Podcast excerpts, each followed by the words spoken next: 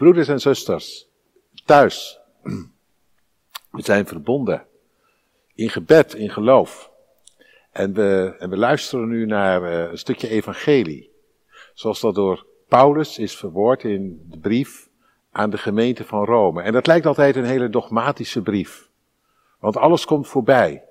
Maar ik moet je eerlijk, eerlijk zeggen, ik word altijd door geraakt, gegrepen. Want het gaat over jou en over mij in die brief. Althans, over hoe God zich met ons inlaat. En dat is volgens het begin van die brief, hoofdstuk 3 vooral, ontzettend genadig. Want Paulus die heeft daar alle ellende eigenlijk bij elkaar gezet. En, en er worden mensen altijd een beetje zenuwachtig van. Dan zeggen ze, ja maar zo erg is het toch niet? En dat klinkt wel heel zwaar.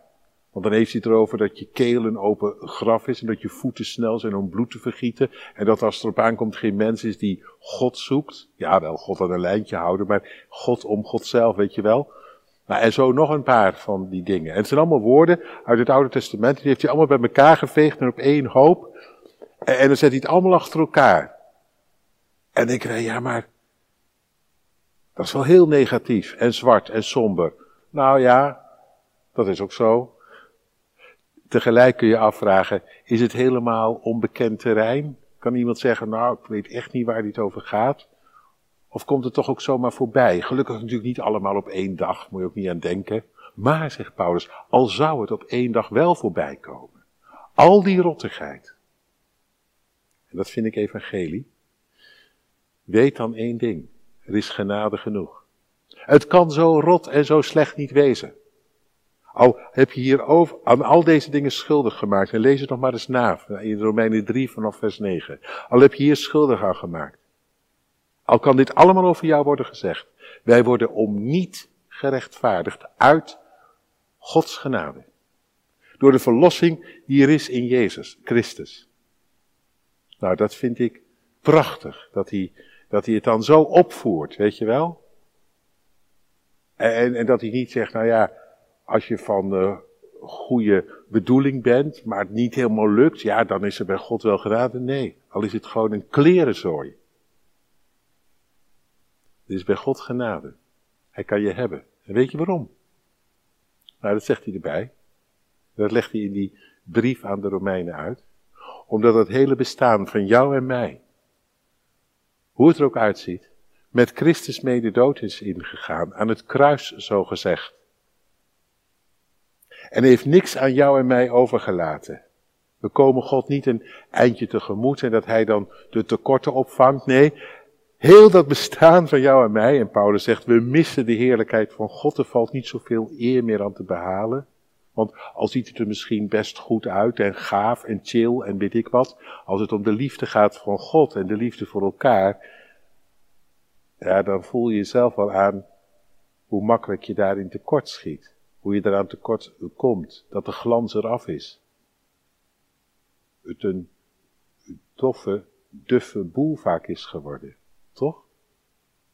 Beetje eerlijk. Beetje eerlijk worden voor jezelf en je weet hoe ik het ook oppoets. De glans van die liefde, dat is een ingewikkeld probleem geworden. We missen de heerlijkheid van God. Paulus is radicaal. Maar hij zegt, dat heeft het laatste woord niet. Integendeel gerechtvaardigd door zijn genade, door de verlossing in zijn bloed. Jouw bestaan van A tot Z is met Jezus mee de dood ingenomen. En God heeft niks aan jou overgelaten. En daarom, het kan zo rot niet wezen. In Christus is het de dood ingejaagd en is er verzoening over gedaan. Vandaar in hoofdstuk 5, wij dan, gerechtvaardigd door het geloof, hebben vrede met God. Prachtig vind ik dat. Daar word ik vrolijk van van zo'n radicale evangelie. Dat mij hebben kan, zoals ik ben. En dat ik me nooit beter hoef voor te doen. Nou ja, en dan komt hoofdstuk 6. En dat opent dan met een vraag. Een logische vraag. Betekent dit nu dat wij moeten, kunnen blijven zondigen om de genade te laten toenemen? Je zou bijna denken, hè? Genade genoeg? Dus ja, je kunt gerust er een beetje op, uh, op loszondigen, zo gezegd, op kosten van die genade. En dan wordt de genade alleen maar groter van. Al mankeert er van alles en nog wat aan jou. Je wordt steeds blijer met genade. Ik hoorde een keer van een, uh, een filosoof uit Amsterdam, die was tot geloof gekomen. Echt tot geloof, had zich laten dopen. En op een gegeven moment wilde hij weer genade ervaren. En toen heeft hij zich eerst helemaal ondergedompeld in de zonde. Dat is natuurlijk een beetje ziek als je zo gaat denken. Dat snap jij ook wel. Maar ja, zo, zo uh, heel direct zullen wij dat ook niet doen. Maar je herkent het misschien wel een beetje. Ach, doe maar hoor, wat geeft het? Dat ik hier tekort kom, dat ik daarover de schreef ga. Het is toch genade genoeg? Je ook niet al te ingewikkeld over doen. Zullen we maar gewoon, ja, ons leven een beetje op de oude voet voortzetten? Genade genoeg, die kan er alleen maar meer op worden. En dan krijg je dan af en toe tranen van in je ogen natuurlijk, hè, als je daar even bij stilstaat hoe genade God is. Of je zingt uh, gewoon je hart helemaal een keer uit, omdat het zo fantastisch is dat God je hebben kan. Ja, allemaal goed en wel. En Paulus, die, die wil ons in ieder geval wel heel enthousiast over die genade maken. Maar als je nu denkt dat je er wel gewoon, uh, nou ja, op kosten van die genade gewoon kunt raakleven. En dus goedkope genade wordt, zoals Bonhoeffer ooit, ooit zei. Dan zit je er toch helemaal naast. Want het antwoord van Paulus is dan heel radicaal. Absoluut niet. En je hoort verontwaardiging. Ben je nou helemaal gek geworden? Zo ga je toch niet met de liefde om? Als iemand jou hebben kan en jou omarmt, al ben je een klojo geweest, kun je zeggen, nou, het maakt niks meer uit wat ik dan doe. Toch liefde genoeg. Wordt toch wel weer onthaald. Dan ben je toch gewoon een spelletje aan het spelen met die liefde. Dat is toch eigenlijk het meest krenkende, kwetsende wat je hebben kunt. Dan voelt de ander zich misbruikt, zo gezegd. Ja. Tuurlijk, bij God uh, gaat het hand in hand. Zonde en genade. Maar je kunt het niet omkeren. Genade genoeg, dus zondig maar raak. Nee. En waarom nou niet? Nou, dan denken heel veel, heel veel mensen, en dat denken hele orthodoxe mensen soms, maar ook hele evangelische mensen, die denken dan, dat is omdat je dan zoveel hart krijgt voor God dat je dat niet meer wilt. Hè? Je, je, je weet je zo door God gezien. En je bent zo enthousiast geworden over zijn genade. En dan wil je niks liever meer dan voor God leven. Dus bestaat niet dat je dan zomaar zondigen zou. Ja, dat is natuurlijk wel mooi. Dat, dat, dat, dat die genade iets gaande maakt bij jou. Maar je weet zelf ook wel dat is vrij dun ijs. Je kunt soms even enthousiast zijn, maar je loopt er ook tegenop dat ondanks Gods liefde in jouw leven, jij soms toch alle kanten op wil, behalve dat spoor van Christus. En dat die liefde er echt niet zomaar vanzelf in zit en uitkomt, al ben je door de hemel tot en met geliefd. Paulus gebruikt dat argument ook niet. Hij zegt niet, ja, logisch hè, als God je zo heeft opgezocht, dan wil je natuurlijk niks liever meer dan voor God leven. Dat zegt hij niet. En ik denk dat wij dat ook niet te hard tegen elkaar moeten zeggen. Ik denk dat we zelfs elkaar daarmee op het verkeerde been kunnen zetten het idee kunnen geven dat ja, het dan wel niet helemaal echt zal zijn als je dat gevoel niet hebt.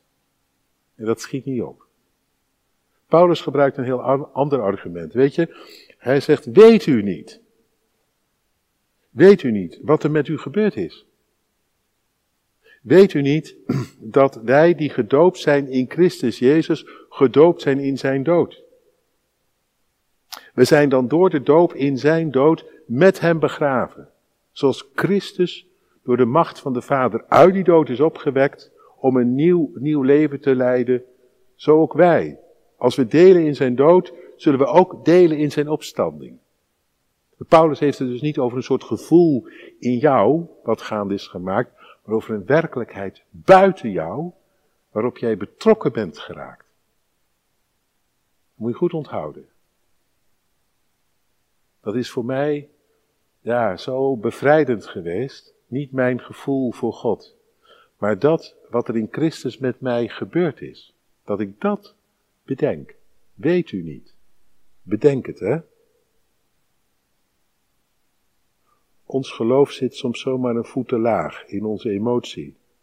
Paulus zegt, hou je hoofd erbij. En hou je hoofd er heel goed bij. Dat je niet vanuit je gevoel gaat leven, maar heel bewust vanuit dat wat er is gebeurd met jou. Weet, weet je niet,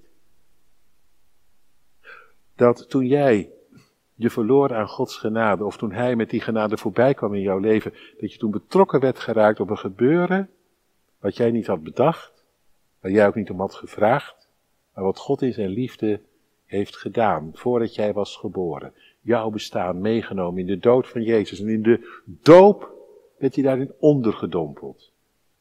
En of je nu als kind bent gedoopt of op een later moment bent gedoopt, de doop laat dat geheim zien. En roept jou ertoe op om uit dat geheim te leven. Dat jouw leven met Jezus mee de dood inging. En dat, er, ja, dat dat oude daarmee, dat zeg ik maar even ronduit, dat geklojo weet je wel. En dat weet je zelf het beste hoe dat eruit ziet bij jou. Dat dat met Jezus mee de dood is ingegaan. En dat, dat je in hem bent opgestaan, bent opgewekt. Er staat zelfs één plant, helemaal met hem verweven. Dat betekent natuurlijk ook dat in jouw leven de vruchten zullen groeien die in hem zichtbaar zijn. Met hem opgewekt. Dat moet ik bedenken. En ik zeg je eerlijk, dat heeft mij heel erg geholpen. Dat te bedenken. Niet af te gaan op mijn gevoel, maar desnoods tegen mijn gevoel in bedenken, wat is er met jou gebeurd? Jouw oude bestaan is aan het kruis gegaan. Je bent met Christus mee opgewekt. En dat maakt het verschil. En dat maakt dat ik anders in het leven sta, want als dat zo is, dan zal mijn leven daarmee moeten gaan sporen, toch? Met die opstanding. Je bent niet langer, schrijft Paulus aan het eind van dit stuk, onder de wet. Die wet die triggert. Waar je altijd eigenlijk uh, ja, tegenop loopt en, en die als het ware uh, je uitdaagt om hem te overtreden. Nee, je bent niet langer onder de wet. Die triggert. Je bent onder de genade. Er is iets gebeurd met jouw bestaan op een hele genadige manier. En dat vraagt om een reactie.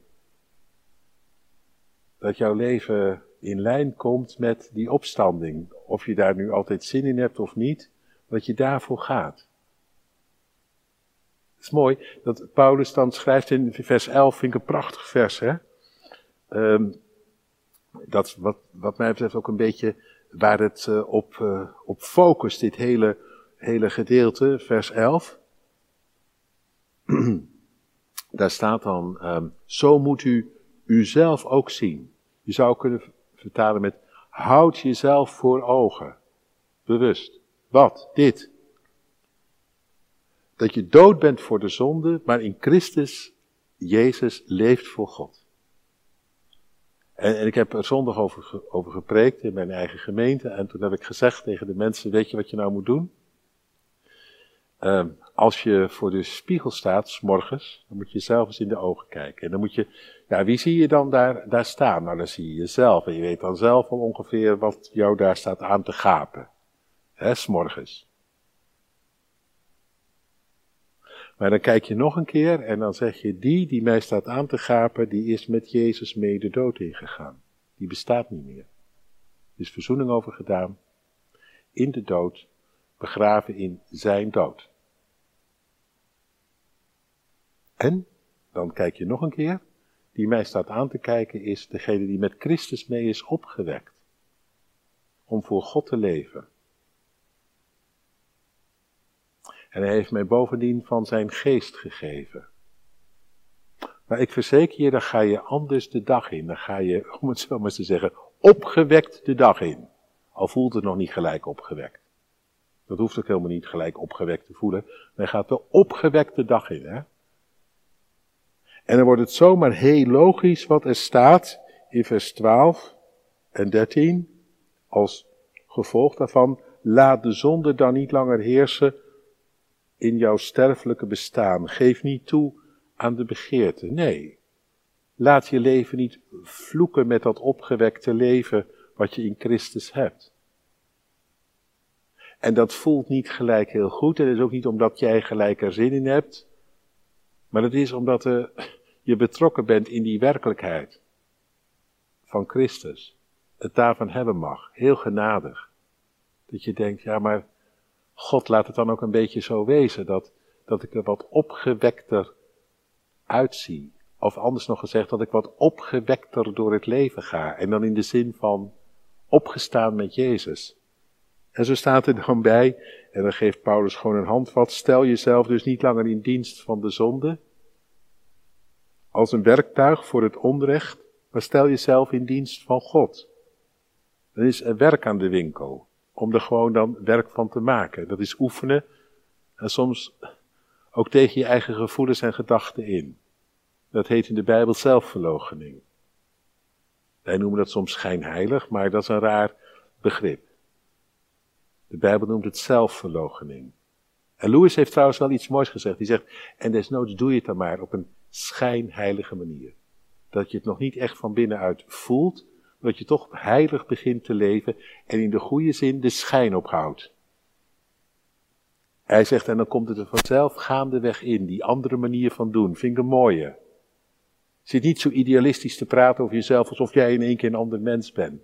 Dat is gewoon een kwestie van oefenen. Van heel veel oefenen. Zegt de Bijbel ook trouwens, altijd.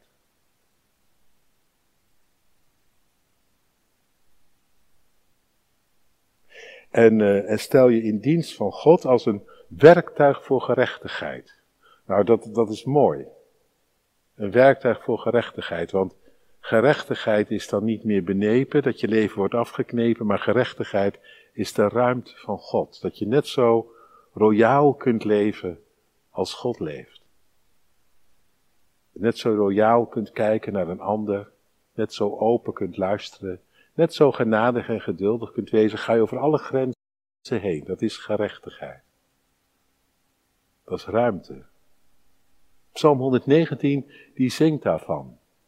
Over het leven naar de Torah, naar de wet van God. En weet je wat er dan staat in die psalm? En dat vind ik een heel mooi zinnetje. U hebt mijn hart verwijt.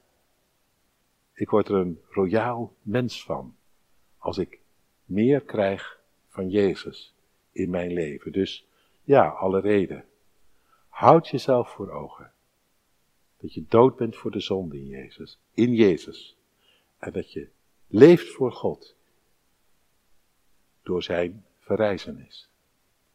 De laatste tip. Weet je wat je moet doen?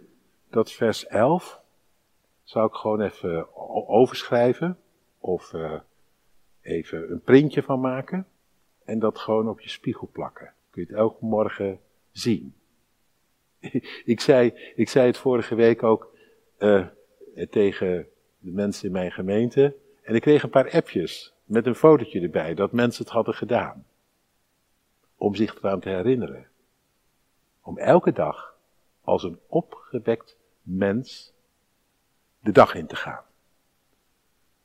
God zegene jou. Amen.